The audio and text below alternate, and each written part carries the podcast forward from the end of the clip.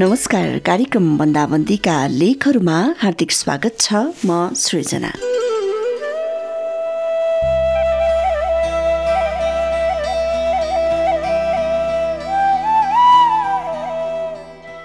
जबदेखि कोरोना संक्रमण सुरु भयो कोरोना महामारी सुरु भयो मानिसहरू आफूले हेर्न देख्न अनि सोच्न छुटाएका कुराहरूप्रति लगाव राख्न थालेका छन्। आफ्नो वरिपरि भएका सम्पूर्ण कुराहरूलाई सुन्दर देख्न थालेका छन् आफूभित्रको मलाई चिन्न थालेका छन्।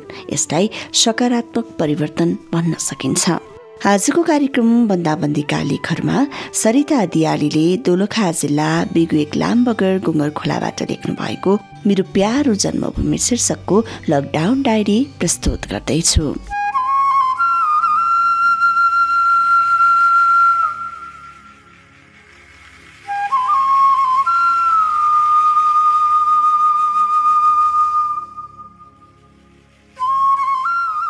मेरो जीवन सुरु भएको थियो तिम्रै सुन्दरतामा रमे। मेरो जीवन सुरु भएको थियो तिम्रै सुन्दरतामा रमे जहाँ गए पनि याद तिम्रै हुन्छ मेरो प्यारो जन्मभूमि।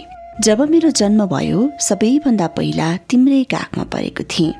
दोलखा जिल्लाको उत्तरी भेगमा पर्ने दुर्गम क्षेत्र नामले तिमीलाई चिनिन्थ्यो तर आज तिम्रो नाम संसारभरि छरिएको छ। प्राकृतिक सम्पदाको धनी तिमी ठुला ठुला पहाड हिमालसँगै साना साना झरना नदी खोला मठ मन्दिर रङ्गी बिरङ्गी फुलहरू तिमीमा भएका यी सबै गुणहरू देख्दा साँच्चै नै मलाई धरतीमै स्वर्ग भेटाए जस्तै लाग्छ। विभिन्न जात जातिको बसोबास भएको जन्मभूमि तिमीले संस्कार पनि उत्तिकै राम्रो दिएको छौ। विभेद भन्ने शब्द कहिल्यै देखाएनौ। तिम्रो जन्म पश्चात म तिम्रै काखमा हुर्किएर दिनभरि खेल्दै राति तिम्रै न्यानो काखमा विभिन्न सपनाहरू देख्दै निधाउने म। जब बिहानी हुन्थ्यो हिमालका सेता हिउँ अनि तिमीले पठाएको चिसो हावासँगै आएका ती घामका किरणहरूले मलाई देख्दै गरेका सपनाहरूबाट बिउठाइदिन्थे। ती साना साना सपनाहरू पुरा गर्ने अर्को सपना देख्थे म। सपनालाई पुरा गर्नुपर्छ भन्ने तिमीले सिकाएका पाठ अझै मसँग ताजै छन्। जब हिउँद महिना सुरु हुन्छ सेतै हिउँले ढाकेको तिमी अनि तिम्रै काखमा फुलेका रङ्गी बिरङ्गी फुलहरू।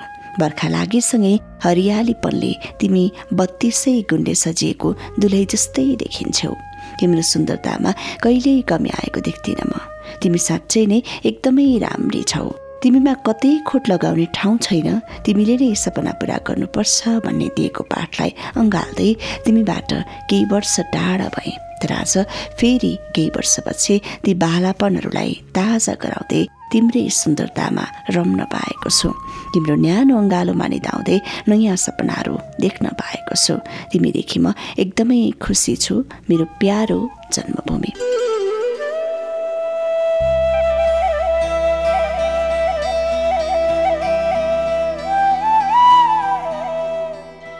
सरिता दियालीले लेख्नु भएको मेरो प्यारो जन्मभूमि शीर्षकको लकडाउन डायरी आजको कार्यक्रम बन्दाबन्दीका लेखहरूमा प्रसारण गरे श्रोता। भोलि फेरि अर्को एउटा लेखको साथमा उपस्थित हुने नै छु। यतिन्जेलसम्म सुनेर साथ दिनुहुने तपाईँ सम्पूर्ण श्रोताहरूलाई विशेष धन्यवाद अनि सरिताजीलाई विशेष आभार अनि प्राविधिक मित्र प्रहलादलाई विशेष धन्यवाद भन्दै बिदा हुन्छु। नमस्कार।